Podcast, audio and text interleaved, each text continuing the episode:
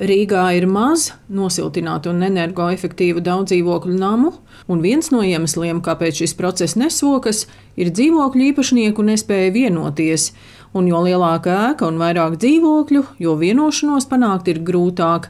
Tāpēc ekonomikas ministrija izstrādājusi grozījumus dzīvokļu īpašnieku likumā, un par tiem stāsta mājokļu politikas departamenta direktors Mārtiņš Čauders.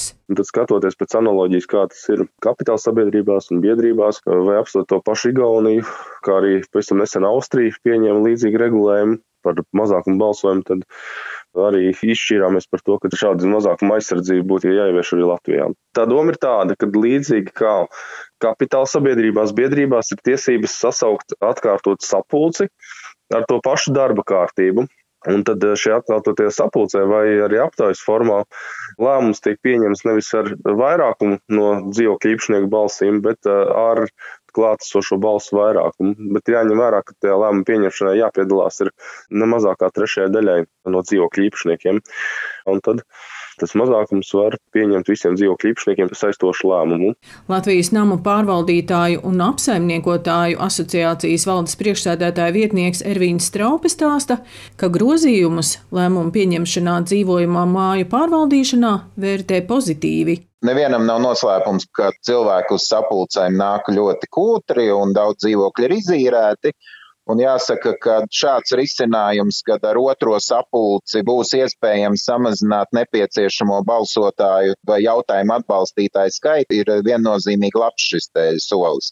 Mēs saprotam, ka tas strādās uz ikdienas remonta darbiem, bet, piemēram, siltināšanas programmu neviena banka vai altums nefinansēs ar 30% balsojumu. Un tāpat tās nevarēs nomainīt pārvaldnieku. Bet visādi citādi šis lēmums ir atbalstāms un jācer, ka tas dzīvē ļaus daudz raitāk un ātrāk pieņemt lēmumus lai tomēr cilvēki, tie, kas ir ieinteresēti, viņi var lemt un panākt rezultātu. Iveta Ozoliņa dzīvo piecstāvu mājā Rīgā. Ēkā ir 120 dzīvokļi, un pirms pieciem gadiem tika izstrādāts projekts ēkas siltināšanai un iesniegts altumu. Process apstājās brīdī, kad vajadzēja balsot par kredītu ņemšanu, jo 50 plus vienu balsi savākt neizdevās. Iveta vērtē, ka grozījumi dzīvokļu īpašnieku likumā ļaus ātrāk pieņemt lēmumus, vismaz par nepieciešamajiem remontdarbiem.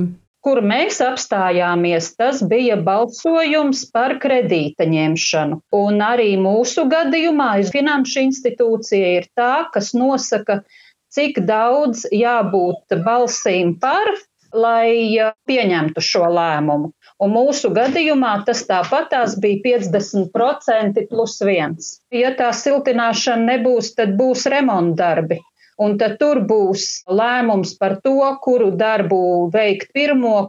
Ja tie, piemēram, neatbilst tam, ko nama apsaimniekotājs ir norādījis, ja grib to secību mainīt, tad atkal ir vajadzīgs lēmums. Lielām mājām, kurām ir daudz dzīvokļu, pēc mūsu pieredzes uz sapulci atnāk ceturtā daļa. Pārējais viss lielais darbs gulstās uz aktīvistiem, kuri ir tiešām divi, trīs cilvēki. Par ministru kabineta apstiprinātajiem grozījumiem dzīvokļu īpašumu likumā vēl būs jālemj saimai.